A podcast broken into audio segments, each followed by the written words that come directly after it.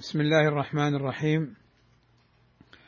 إن الحمد لله نحمده ونستعينه ونستغفره ونعوذ بالله من شرور أنفسنا ومن سيئات أعمالنا. من يهده الله فلا مضل له ومن يضلل فلا هادي له. وأشهد أن لا إله إلا الله وحده لا شريك له. وأشهد أن محمدا عبده ورسوله. يا أيها الذين آمنوا اتقوا الله حق تقاته. ولا تموتن إلا وأنتم مسلمون. يا أيها الناس اتقوا ربكم الذي خلقكم من نفس واحدة وخلق منها زوجها وبث منهما رجالا كثيرا ونساء واتقوا الله الذي تساءلون به والأرحام. إن الله كان عليكم رقيبا. يا أيها الذين آمنوا اتقوا الله وقولوا قولا سديدا. يصلح لكم أعمالكم ويغفر لكم ذنوبكم. ومن يطع الله ورسوله فقد فاز فوزا عظيما.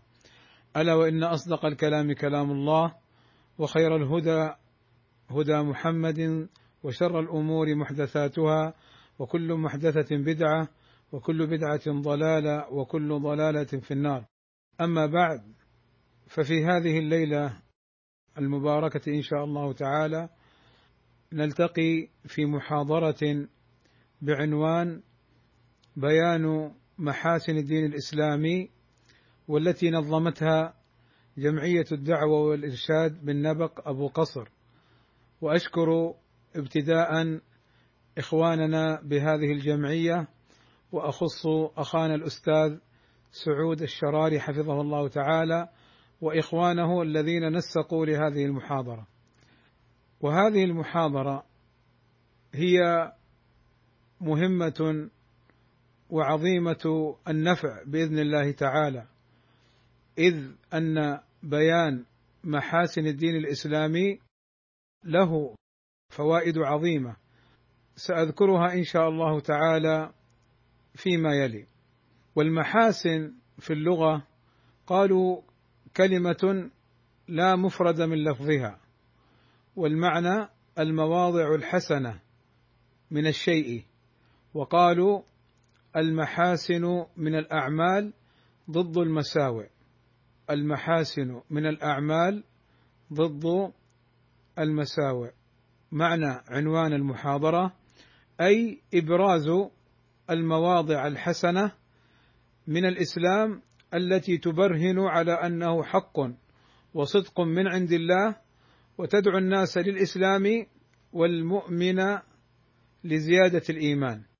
ولا شك أن الإسلام كله حسن ولا نقص فيه بل هو غاية الكمال كما قال الله عز وجل اليوم أكملت لكم دينكم وأتممت عليكم نعمتي ورضيت لكم الإسلام دينا.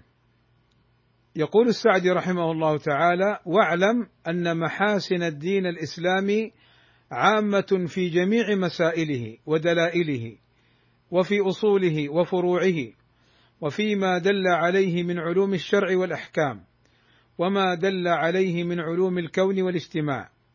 وليس القصد استيعاب ذلك وتتبعه فإنه يستدعي بسطا كثيرا. انتهى كلامه رحمه الله تعالى. فلا شك أن تتبع ما في هذا الدين العظيم من محاسن يحتاج إلى مجلدات وإلى مؤلفات وإلى وقت طويل جدا لأن الإسلام كله كما سبق كله حسن وكله محاسن وكله فضائل وكمال. يقول الشيخ ابن باز رحمه الله تعالى لا يخفى على من له أدنى علم أنه لا يمكن أن يستقصي أحد محاسن هذه الشريعة. كيف يستطيع أحد أن يحصي فضائلها؟ وهي شريعة من حكيم عليم. قد علم كل شيء فيما مضى وفيما يأتي إلى يوم القيامة. وهو العالم بأحوال عباده وأسرار الشريعة سبحانه وتعالى.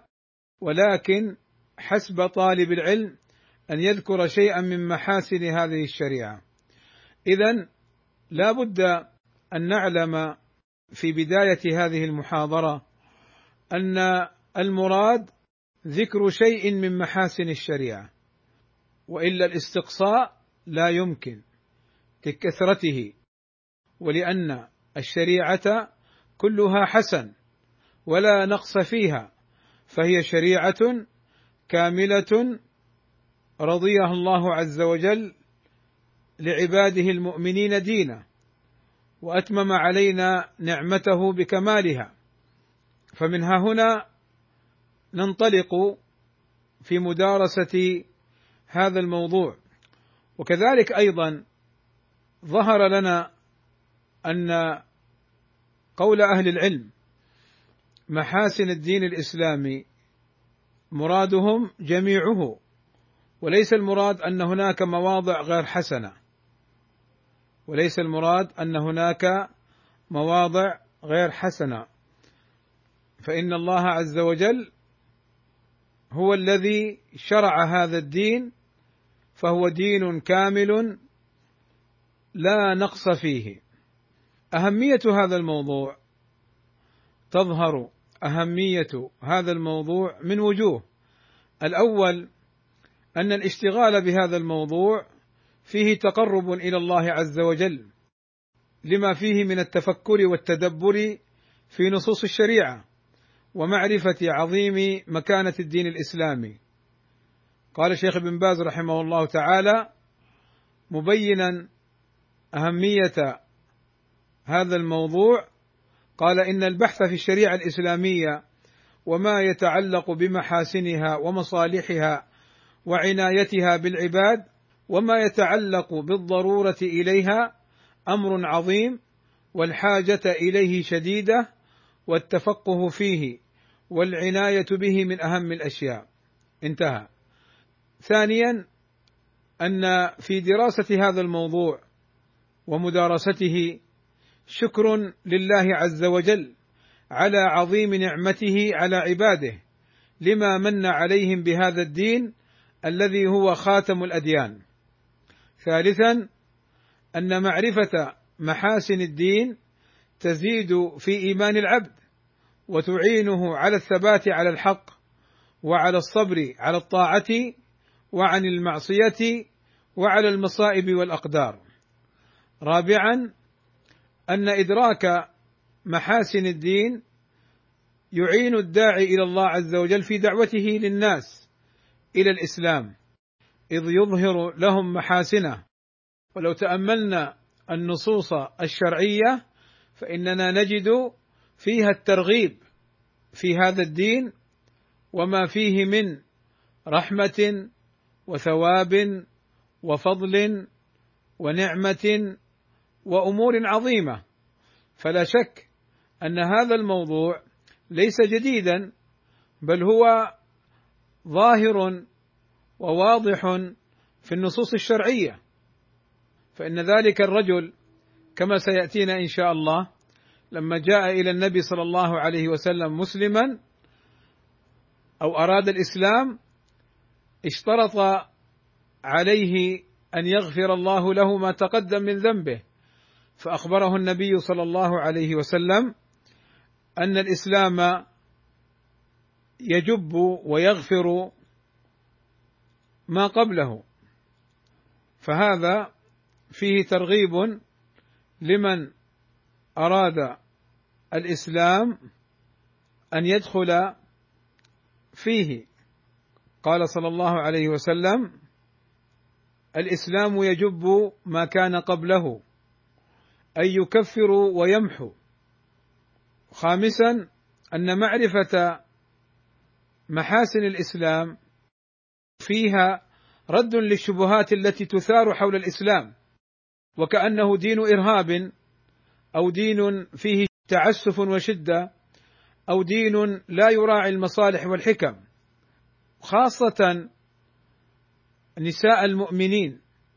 فالنساء المؤمنات نجد أن بعضهن للأسف الشديد يرين أن الإسلام ظلمهن وأن حقوقهن منقوصة إلى آخره وذلك جهل منهن بحقيقة الإسلام. فالإسلام أخرج المرأة من ظلمات الجهل والتعسف والاحتقار وكرمها وشرفها وأعطاها حقوقها وأمر الرجال بحفظ حقوقهن وجعلها جوهرة مصونة وحرم أذيتها وضربها ضربا مبرحا وأكل أموالها وحرم كل ما من شأنه أن يعود بالمرأة إلى حال الجاهلية. ولكن للأسف بعض نساء المؤمنين يردن أن يرجعن إلى حال الجاهلية فتظن أن حريتها في عدم عفافها وتظن أن راحتها في تقليد الغرب وتظن أن تبرجها و وأن كشفها لوجهها ومفاتنها هذا أمر يعني كما يقال آه، من حقها. وجهلت أو تجاهلت أنها بذلك تعود لتكون مظلومة مهضومة الحقوق سلعة رخيصة لكل من أرادها من أهل الريب والإجرام وتكون غير ذات حقوق وأشد ما يكون. إذا توجهت المرأة المسلمة إلى الغرب طالبة منهم اللجوء والحماية من الإسلام ومن أهلها. فلا شك أن هذه المرأة قد جهلت ما في الإسلام من محاسن وما في الإسلام من فضائل وما في الإسلام من تكريم لها. إن الذين يحاولون أن يصوروا الإسلام في صورة داعش أو في صورة تنظيم القاعدة والتفجير والتكفير والمظاهرات والإتلاف وحرق الأموال وإتلاف الأنفس فقد كذبوا في هذا التصوير. فإن الإسلام من هذا كله بريء. بل الإسلام دين العدل ودين الرحمة ودين المودة ودين تكريم الإنسان. يقول السعدي رحمه الله تعالى إن دين الإسلام الذي جاء به محمد صلى الله عليه وسلم أكمل الأديان وأفضلها وأعلاها وأجلها وقد حوى من المحاسن والكمال والصلاح والرحمة والعدل والحكمة ما يشهد لله تعالى بالكمال المطلق وسعة العلم والحكمة ويشهد لنبيه صلى الله عليه وسلم أنه رسول الله حقا. وأنه الصادق المصدوق الذي لا ينطق عن الهوى إن هو إلا وحي يوحى. فهذا الدين الإسلامي أعظم برهان وأجل شاهد لله بالتفرد والكمال المطلق كله ولنبيه صلى الله عليه وسلم بالرسالة والصدق. انتهى. فلا شك إخواني وأخواتي أن من جهل شيئا عاداه. ولا شك أن هناك دعايات كاذبة مغرضة تحاول تشويه الإسلام. وللأسف استطاع بعض أعداء الإسلام أن يصلوا إلى عقول بعض أبناء وبنات المسلمين فيبغضون إليهم هذا الدين ويكرهونهم. حتى أصبحنا نرى وإن كانت بفضل الله عز وجل ورحمته شيء قليل جدا ليس كثيرا. نرى أحيانا بعض هؤلاء يخرج في مواقع التواصل ويصور الإسلام وكأنه دين الرجع وكأنه دين فيه ظلم للإنسان ودين قد هضمهم حقوقهم وهذا يذكرني بقصة كعب. رضي الله عنه كعب بن مالك لما حصل ما حصل له حين تخلف عن المضي مع النبي صلى الله عليه وسلم ثم أمر النبي صلى الله عليه وسلم بهجره. وفي أثناء الهجر جاءه كتاب من أهل الكفر أن قد علمنا ما قد صنع بك صاحبك فالحق بنا يعني نكرمك ونعزك وكذا وكذا. قال كعب جاءه كتاب رسالة إلى إلى كعب. قال فعلمت يعني معنى كلامي إنه هذه امتحان. قال فمزقت الكتاب وألقيته في التنور في الفرن فاحترق.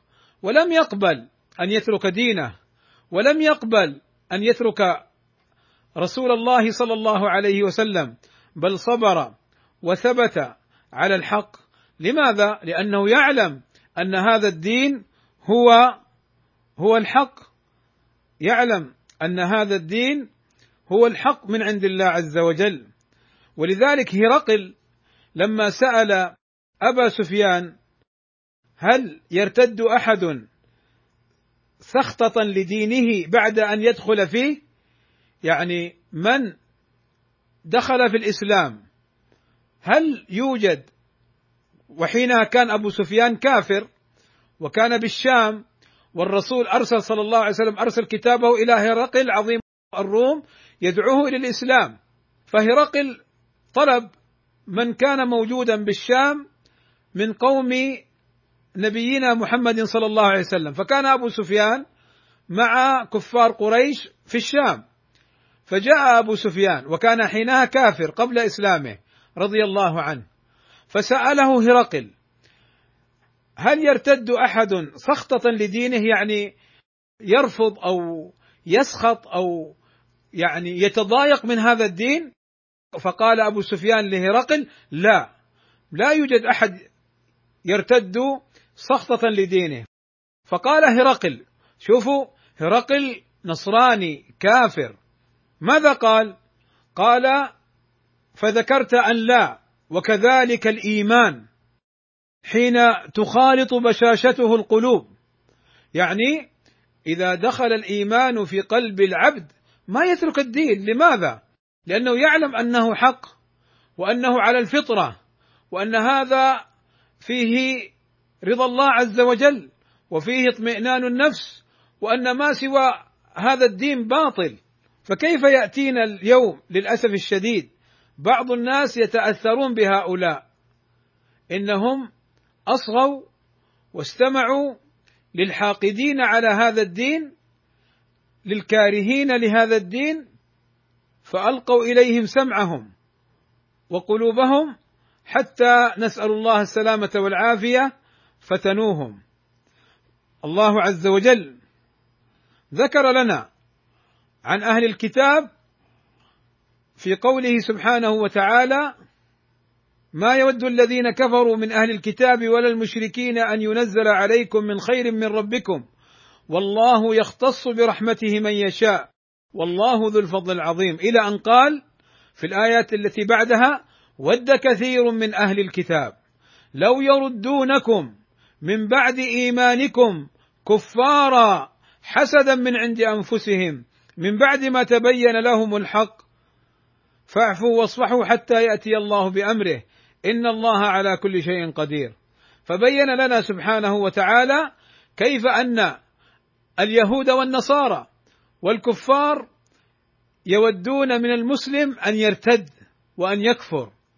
بل إن اليهودي والنصراني يتمنى من المسلم أن يكفر ولو يكفر إلى غير دين. المهم لا يموت على الإسلام فيدخل الجنة. فإذا كان الأمر كذلك هؤلاء أعداؤنا ويحرصون على أن يحرفونا عن ديننا وأن يضلونا عن سواء السبيل. كيف نصغي لهم؟ وكيف نصدقهم؟ وكيف نسلم لهم؟ بل كيف نهرب إليهم ونلجأ إليهم؟ أتلجأ إلى عدوك؟ أتحتمي بمن يريد أن يتلفك ويريد أن يهلكك ويريد بك الشر كله؟ لا شك أن هذا أمر لا يعقل. ولكن من جهل شيئا عاداه. فلا شك أن معرفة محاسن الدين تقودنا إلى الثبات على الحق ونرد بها على الشبهات التي يثيرونها على الإسلام. فإن الإسلام كما سبق معنا دين عدل ورحمة ومودة وعدم الظلم. انظروا يقول النبي صلى الله عليه وسلم انصر أخاك ظالما أو مظلوما. قالوا يا رسول الله هذا مظلوم ننصره. وكيف ننصر الظالم؟ قال أن تكف على يده أو أن تأخذ على يده يعني أن تمنعه من الظلم. أن تمنع أخاك من الظلم لا تعين على الظلم. ما هذا الدين؟ إنه من عند الله عز وجل ليس من وضع البشر وإلا البشر ينصر بعضهم بعضا. ولكن هذا الدين من عند الله عز وجل. كذلك من أهمية معرفة محاسن الدين. معرفة أن الإسلام كما سبق هو الدين الحق الذي لا يقبل الله سواه فلا يغتر بغيره من الأديان حيث إنها منسوخة من جهة ومن جهة أخرى فهذا الدين الإسلامي قد اشتمل على أعلى وأحسن وأفضل الأحكام الشرعية التي فاقت ما قبله فالله عز وجل اختاره لنبينا محمدا واختاره لأمته وجعله خاتم الأنبياء.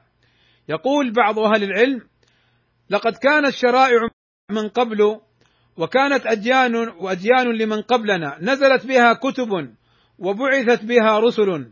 فجاءت هذه الشريعة أي الإسلام أكملها وهذا الدين أتمها وهذا الكتاب الذي نزل بها مصدق لما بين يديه ومهيمن عليه. والرسول صلى الله عليه وسلم أرسل بها خاتم الرسل وأفضلهم وارتضاها الله لمن اصطفاه من خلقه لخير أمة أخرجت للناس. فهي خير ما أنزل على خير من أرسل لخير من أنزل إليهم فهي الخير أجمع. انتهى. انظروا أيضا يعني تعجب. مسلم يرتد إلى النصرانية أو يرتد إلى اليهودية زاعما أن ذاك الدين أفضل من هذا الإسلام. وهو إنما ارتد لأن الله لا يقبل إلا الإسلام دينا الذي جاء به نبينا محمد صلى الله عليه وسلم. وإن عيسى عليه الصلاة والسلام حين ينزل آخر الزمان يحكم بشريعة نبينا محمد صلى الله عليه وسلم كما أخبرنا النبي صلى الله عليه وسلم. بل قال صلى الله عليه وسلم إن موسى لو كان حيا ما وسعه إلا اتباع النبي صلى الله عليه وسلم. فكيف يرتد البعض إلى النصرانية أو إلى اليهودية؟ ولكن نحن نذكر لهؤلاء الذين جهلوا ما في الإسلام من أجر وفضل ومحاسن بما أخبرنا به النبي صلى الله عليه وسلم. ففي صحيح البخاري عن ابن عمر رضي الله عنهما عن رسول الله صلى الله عليه وسلم أنه قال إنما أجلكم في أجل من خلا من الأمم ما بين صلاة العصر إلى مغرب الشمس. وإنما مثلكم ومثل اليهود والنصارى كرجل استعمل عمالا يعني أجراء. فقال من يعمل إلى نصف النهار على قيراط قيراط؟ فعملت اليهود إلى نصف النهار على قيراط قيراط. ثم قال من يعمل لي من نصف النهار إلى صلاة العصر على قيراط قيراط؟ فعملت النصارى من نصف النهار إلى صلاة العصر على قيراط قيراط. ثم قال من يعمل لي من صلاة العصر إلى مغرب الشمس. طبعا لاحظوا أن عمل اليهود أن عمل اليهود من أول النهار إلى نصف النهار طويل ثم عمل النصارى من نصف النهار إلى العصر طويل ثم جاء عمل أمة محمد صلى الله عليه وسلم. يقول ثم قال من يعمل لي من صلاة العصر إلى مغرب الشمس وقت قليل. على قيراطين قيراطين أجر أكبر. ثم قال صلى الله عليه وسلم ألا فأنتم يعني أمة محمد صلى الله عليه وسلم ألا فأنتم الذين يعملون من صلاة العصر إلى مغرب الشمس وقت قليل وأجرنا قيراطين قيراطين كبير ألا لكم الأجر مرتين فغضبت اليهود والنصارى. فقالوا نحن أكثر عملا وأقل عطاء. قال الله لهم هل ظلمتكم من حقكم شيئا؟ قالوا لا. قال الله تعالى فإنه فضلي أعطيه من شئت. فبين لنا هذا الحديث فضل أجر المؤمنين وقلة أجر من كان قبلنا من اليهود والنصارى. بل أهل الكتاب بل من كان من أهل الكتاب فأسلم فله أجره بعد إسلامه مرتين. ولكن المسلم إذا انتقل إلى اليهودية أو النصرانية ارتد فإن مات على ذلك ففي النار خالدا مخلدا. فأي العمل أفضل؟ وأي الجهة أسلم؟ وأي الدين يجب علينا اتباعه؟ إنه الإسلام الذي جعله الله عز وجل خاتم الأديان وأرسل لنا خاتم الأنبياء والرسل فلا نبي بعده صلى الله عليه وسلم. أيضا في معرفة فضائل ومحاسن الإسلام بعباداته ومعاملاته وأحكامه فيه معرفة سوء حال أهل الأهواء والبدع والمنحرفين عن الحق وبضدها تتميز الأشياء. لأن المسلم الذي يعمل بشرع الله كما أرسل به النبي صلى الله عليه وسلم وكما كان عليه السلف الصالح رضوان الله عليهم فإنه يحقق بذلك ما أمرنا الله عز وجل بفعله ويجتنب ما نهانا الله عز وجل عنه. فإذا انحرفنا عنه يمنة أو يسرة فإننا حينها نضل ضلالا بعيدا. كلما خالفنا الحق وابتعدنا عنه. فلا شك أن التمسك بهذا الدين لا يعني مجرد أنك مسلم بل أنت تشهد أن لا إله إلا الله لا معبود بحق إلا الله وتكفر بما دونه سبحانه وتعالى وتشهد أن محمدا رسول الله أي الرسول الذي أمرت بطاعته ونهيت عن معصيته. من أطاعني فقد أطاع الله ومن عصاني فقد عصى الله. كما قال صلى الله عليه وسلم قل إن كنتم تحبون الله فاتبعوني يحببكم الله وما آتاكم الرسول فخذوه وما نهاكم عنه فانتهوا. فلا شك أن معرفة محاسن الدين الإسلامي تقودنا إلى التأمل في حال أهل البدع والضلال. انظر إلى السواد الذي في وجه أهل البدع الذين يسبون أبا بكر وعمر ويقذفون أم المؤمنين عائشة رضي الله عنها الطاهرة الشريفة البريئة من إفك الأفاكين. انظر إلى الذين يلحدون في أسماء الله وإلى الذين يعظمون القبور ويطوفون حولها. وإلى الذين يعظمون الأولياء ويعتقدون فيهم انظر إلى سوء حالهم وسوء وجوههم فوجوههم عليها ظلمة البدع. وانظر إلى وجوه أهل السنة وما عليها من نور وهدى وسماحة وقبول. فنسأل الله عز وجل أن يجعلنا من أهل السنة. اذا هذه بعض الأمور المتعلقة بأهمية هذا الموضوع. ولا يفوتني أن أنبه إلى أن أهل العلم قد كتبوا في محاسن هذا الدين. فنجد في كلام الأئمة ما في الأحكام الشرعية من فوائد وفضائل ومحاسن. فنجده في كلام الأئمة مبثوث متفرق. ولعل أيضا الإمام ابن قيم الجوزية رحمه الله تعالى في إعلام الموقعين تناول كثيرا من محاسن الدين وبين أن الإسلام دين كامل وأن الإسلام فيه كل ما يحتاج إليه الناس في دينهم ودنياهم وأن هذا الدين هو الدين الذي رضيه الله عز وجل لهذه الأمة. أيضا هناك رسالة للشيخ السعدي رحمه الله تعالى. رسالة للشيخ السعدي رحمه الله تعالى عنوانها الدرة المختصرة في محاسن الدين الإسلامي وهي رسالة صغيرة الحجم كبيرة النفع.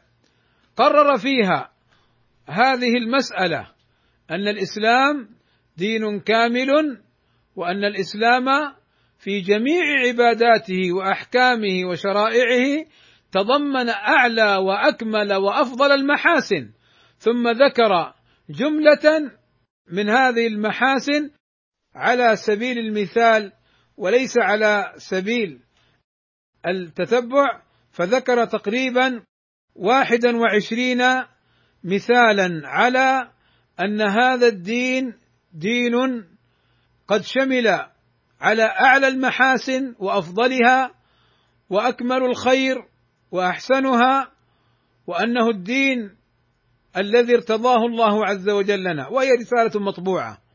كذلك هناك رسالة آه، للشيخ الشنقيطي رحمه الله تعالى صاحب أضواء البيان. رسالة مطبوعة بعنوان الإسلام دين كامل. الإسلام دين كامل وهي رسالة مطبوعة تناول فيها رحمه الله تعالى ما يتعلق بكمال هذا الدين ومحاسنه ويعني الرسالة صغيرة الحجم إلا أنه رحمه الله تعالى أبدع فيها. كذلك هناك رسالة للشيخ ابن باز رحمه الله تعالى مطبوعة ضمن مجموعة فتاواه بعنوان الشريعة الإسلامية ومحاسنها وضرورة البشر إليها وهي رسالة أيضا مهمة ومختصرة لكنها اشتملت على فوائد وعلى لطائف وعلى تنبيهات يحتاج إليها كل مسلم. وغيرها من الكتب التي تناولت محاسن هذا الدين. وسأتطرق إن شاء الله تعالى أيضا معكم كذلك على نماذج وأمثلة ولا أستطيع أن أوفي الموضوع حقه.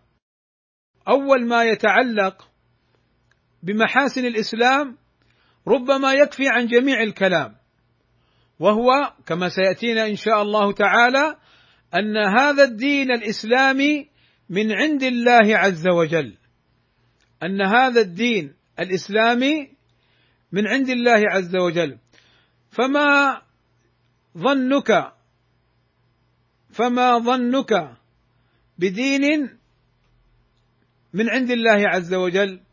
وما فيه من الكمال وما فيه من الخير وما فيه من الإحسان وما فيه من الجمال. دين الله عز وجل خالق الخلق وخالق الكون رب السماوات والأرض سبحانه وتعالى هو الذي أرسل به رسولنا محمدا صلى الله عليه وسلم. فلا شك أن هذه الحقيقة وهذه المعلومة كافية. هذا دين الله هذا دين الخالق هذا دين الرحمن هذا دين الجبار هذا دين العظيم. ما الذي نقوله بعد ذلك؟ إنما شرح وبيان لهذه الحقيقة العظيمة. فإن الله عز وجل حكيم لطيف خبير سبحانه وتعالى. ولكن من باب المدارسة والمذاكرة ومن باب أيضا ما قد يحتاج إليه بعض إخواننا ممن يحتاج إلى سماع هذه الآيات وهذه الأحاديث وهذه الأمور أتدارس معكم في ذلك. فأقول بارك الله فيكم من الأمور التي تبين محاسن الإسلام أن الإسلام دين كامل. يقول الله عز وجل اليوم أكملت لكم دينكم وأتممت عليكم نعمتي ورضيت لكم الإسلام دينا. يقول الشنقيطي رحمه الله تعالى في رسالته الإسلام دين كامل قد صرح الله تعالى في هذه الآية الكريمة أنه أكمل لنا ديننا فلا ينقصه أبدا ولا يحتاج إلى زيادة أبدا. وهذه الآية الكريمة نص صريح في أن دين الإسلام لم يترك شيئا. يحتاج إليه الخلق في الدنيا ولا في الآخرة إلا أوضحه وبينه كائنا ما كان. فالإسلام دين كامل. لا يجينا أحد يقول لا يأتي أحد يقول آه، نحن نحتاج إلى ما عند الغرب. يا أخي ألا تعلم أن الغرب في حضارتهم الآن المزعومة إنما هي مبنية على حضارة الإسلام والمسلمين؟ ألا تعلم أن الغرب يشترون ويسرقون العقول المسلمة المتميزة لأنهم فقراء في العلم.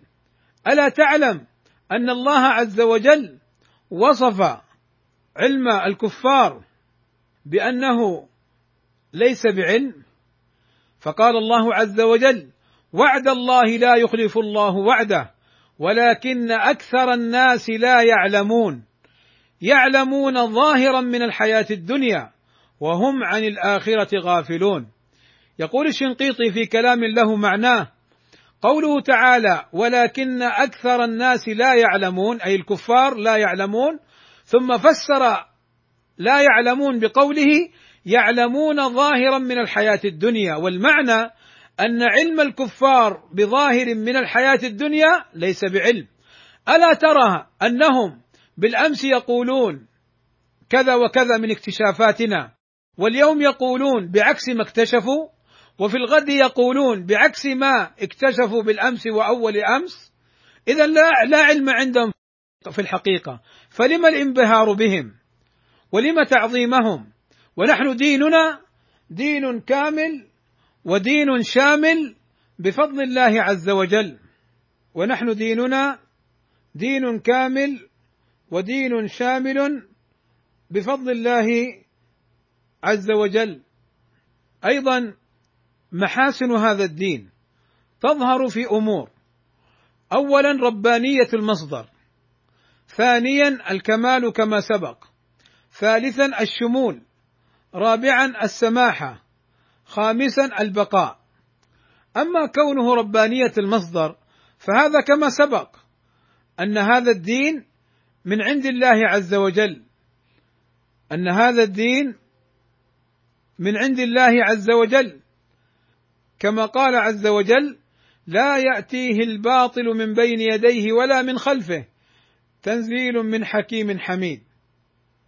فالقرآن كلام ربنا سبحانه وتعالى الذي بين فيه شريعته مع السنة النبوية التي هي وحي من الله وصفها الله عز وجل بقوله لا يأتيه الباطل من بين يديه ولا من خلفه تنزيل من حكيم أحكم الأمور كلها ويعلم ظواهرها كما يعلم بواطنها حميد سبحانه وتعالى.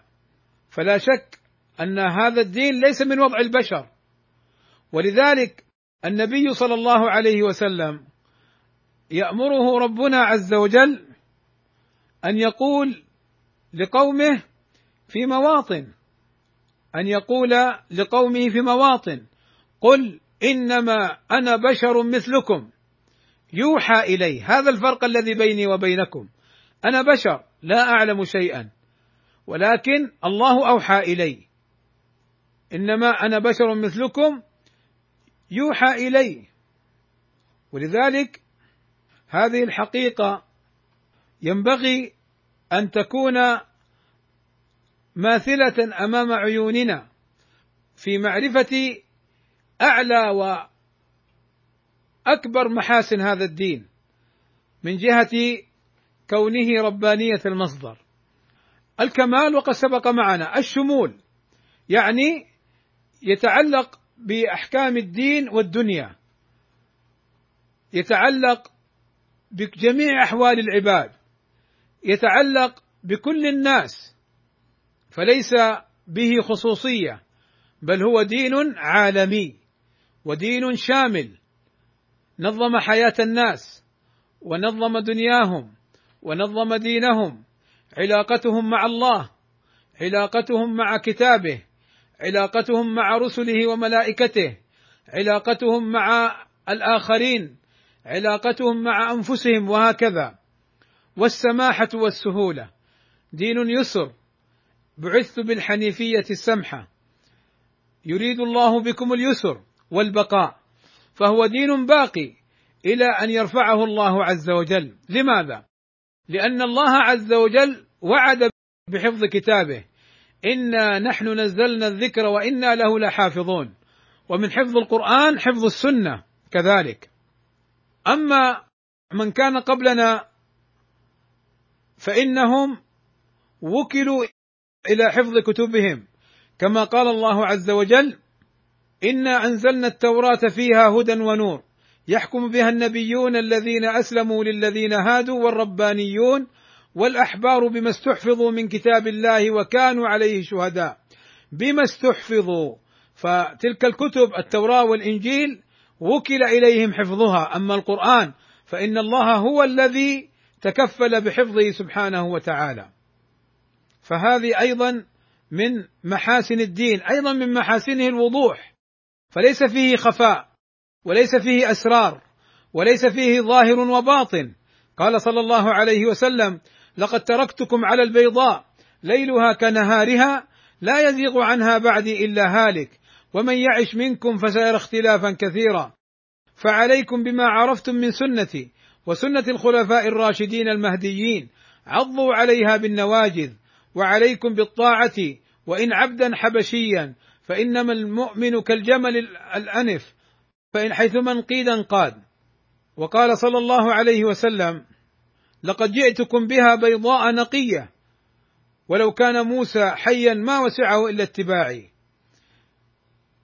يقول الشيخ ابن باز رحمه الله تعالى هذه الأنظمة التي جاء بها القرآن وصحت بها السنة أنظمة واضحة بينة يستقيم عليها أمر العباد وتصلح لهم في كل زمان ومكان ولا مختلف عليهم بل يكون لهؤلاء عرفهم في بيعهم وشرائهم ونكاحهم وطلاقهم وأوقافهم ووصاياهم وغير ذلك.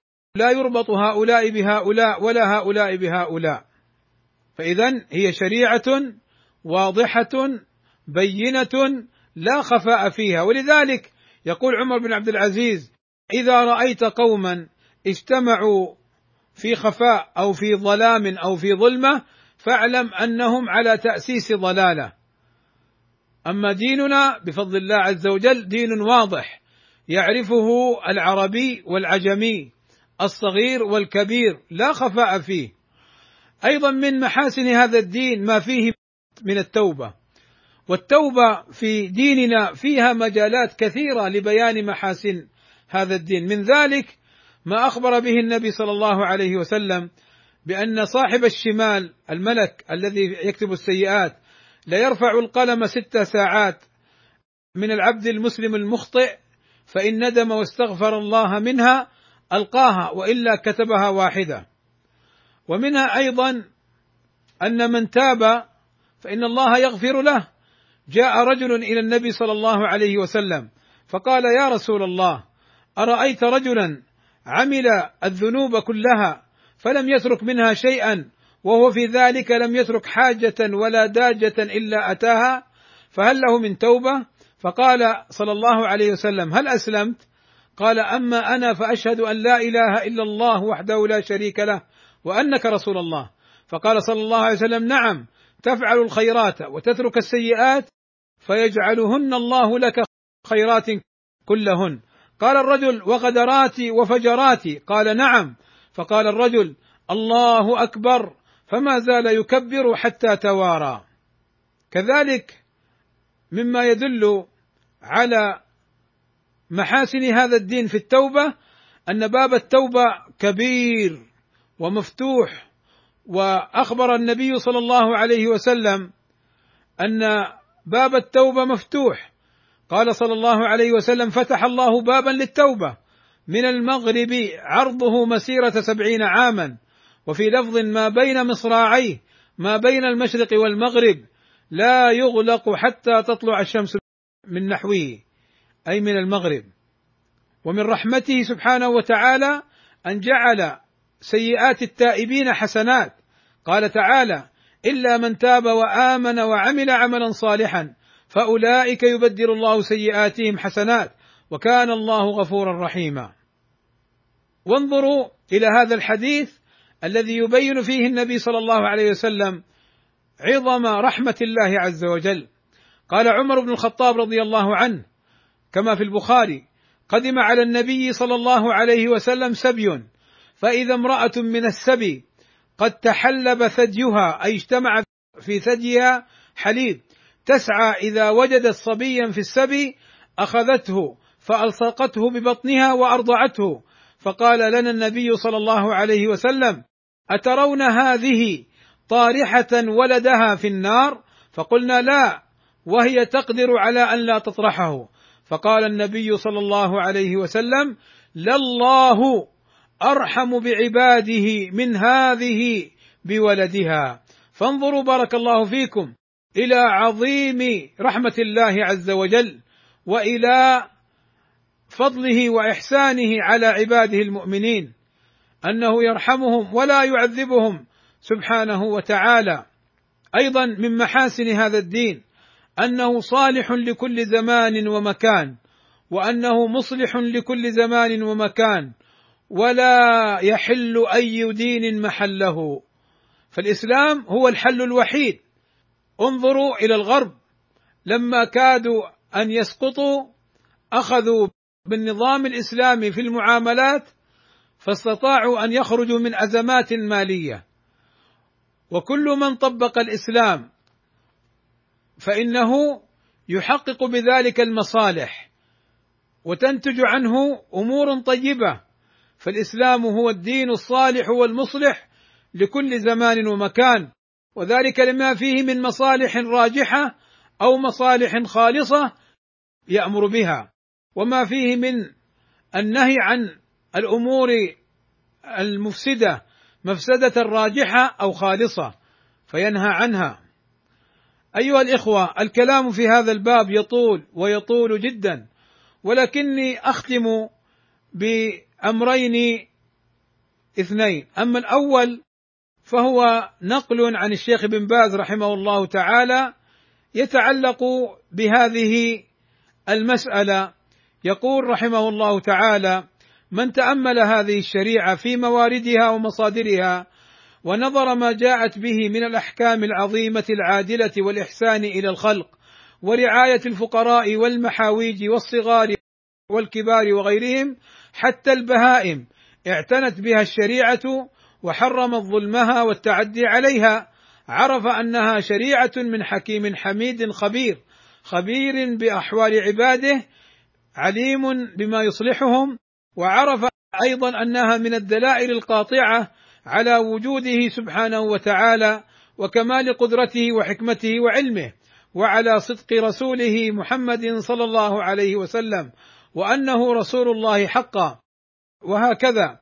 من نظر فيما جاءت به الشريعة من رعاية في أحوال العباد أغنيائهم وفقرائهم ملاكهم وعمالهم حكامهم ومحكوميهم أفرادهم وجماعاتهم قد راعتهم جميعا وجعلت لهم احكاما مبنية على المصلحة والعدالة والإنصاف والإحسان والرحمة.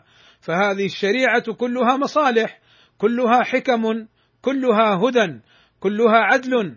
وكل شيء خرج من العدل إلى الجور ومن المصلحة إلى العبث ومن الرحمة إلى ضدها فليس من الشريعة في شيء وإن نسب إليها. هذا أمر مهم إخواني. انتبهوا داعش ليس منهجها من الإسلام. تنظيم القاعدة ليس منهجه من الإسلام. الجماعات الإرهابية ليس منهجها من الإسلام. الإضرابات الانقلابات الخروج على الحكام ليس من الإسلام في شيء. هذه الجماعات المنحرفة ليست من الإسلام في شيء الإسلام منها بريء. يقول الشيخ رحمه الله تعالى فليس من الشريعة في شيء وإن نسب إليها بالتأويل كما ذكر معنى ذلك العلامة ابن القيم رحمه الله تعالى فالشريعة كلها رحمة وعدل وحكمة وكلها رعاية لمصالح العباد بعيدة عن العبث والظلم والمشقة. العباد جميعا في أشد الضرورة إلى هذه الشريعة لما فيها من حل مشاكلهم ولما فيها من أحكام عادلة ولما فيها من التوسط بين الاشتراكية الإلحادية الماركسية المنحرفة وبين الرأسمالية الغاشمة الظالمة فهي وسط في كل شيء وسط في اقتصادها بين اشتراكية الملحدين وماديتهم وبين الرأسمالية الغاشمة التي لا حدود لها فهي وسط بين طرفين عدل بين جورين وكذلك وسط في جميع أمورها لا تطرف في غلو ولا تطرف في جفاء بل هي وسط في شأنها كله. هذه الشريعة العظيمة وسط في الإنفاق والإمساك إلى آخر كلامه رحمه الله تعالى. وهو كلام مهم ومتين ويبين لنا أهمية هذا الدين العظيم. أما الأمر الثاني إخواني بارك الله فيكم الذي أريد أن أذكره لكم في نهاية هذه المحاضرة وهذا اللقاء والذي أعتذر فيه عن أمرين. أما الأمر الأول عن التأخر في البدء وذلك بسبب عطل في النت ونحوه. وأما الأمر الثاني أعتذر عن الإطالة. والحقيقة الإطالة أنا يعني كما يقال إن صح أن يقال مضطر إليها لأن الموضوع طويل جدا. وقد اختصرت في المحاضرة حتى في الأشياء التي أردت أن أذكرها لكم. وذلك لأني جمعت أمورا ظننت أنها إن شاء الله تعالى ستكون آه، كافية للوقت فرأيت أن الوقت طال وفيما تقدم كفاية. أقول وأعود لما وعدت أن أذكره في آخر المحاضرة من الأمر الثاني وهو تطبيق عملي لهذا الدين. انظروا إلى المملكة العربية السعودية وإلى حكامها. من الملك عبد العزيز آل سعود رحمه الله تعالى إلى الملك سلمان حفظه الله تعالى. كلهم يقولون نحن متمسكون بشرعنا وديننا ولا نستبدل به غيره ولا نرضى المساومة على الدين. فانظروا إلى حال المملكة العربية السعودية.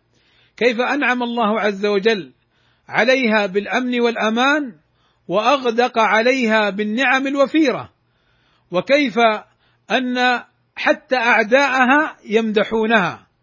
وحتى من كان على أراضيها ممن هو ليس بمسلم لما رأى التعامل الإسلامي والرحمة والعدل والإحسان أثنى على هذه الدولة وهو يبكي.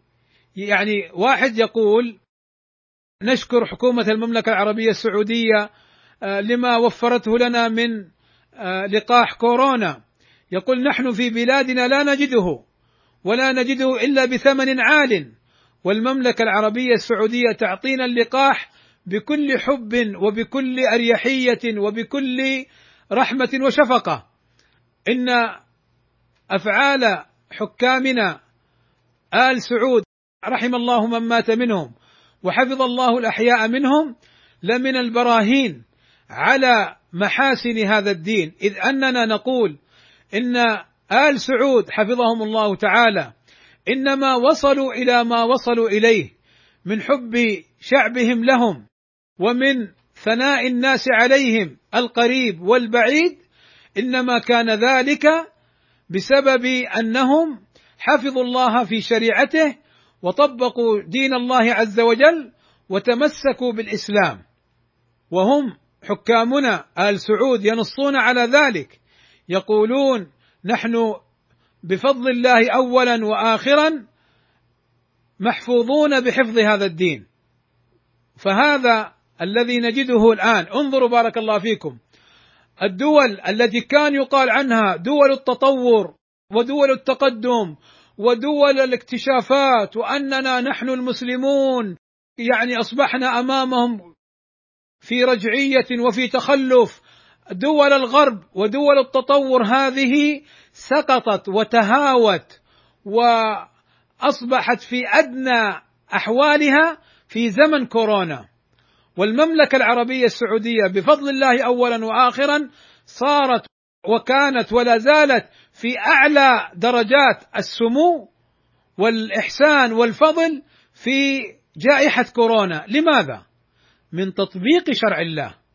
فحفظ الله هذه الدولة مع كثرة من يحاول الاعتداء عليها وأذيتها ومن يتسلط عليها بالسب والشتم في مواقع التواصل من إيران ومن دول الغرب ومن غيرهم ويؤلبون الناس على هذه الحكومة إلا أن الله حفظهم نحسبهم كذلك ولا نزكي على الله أحدا بحفظهم لدين الله ووفقهم بتمسكهم بشرع الله ونصرهم بنصرهم لدين الله عز وجل.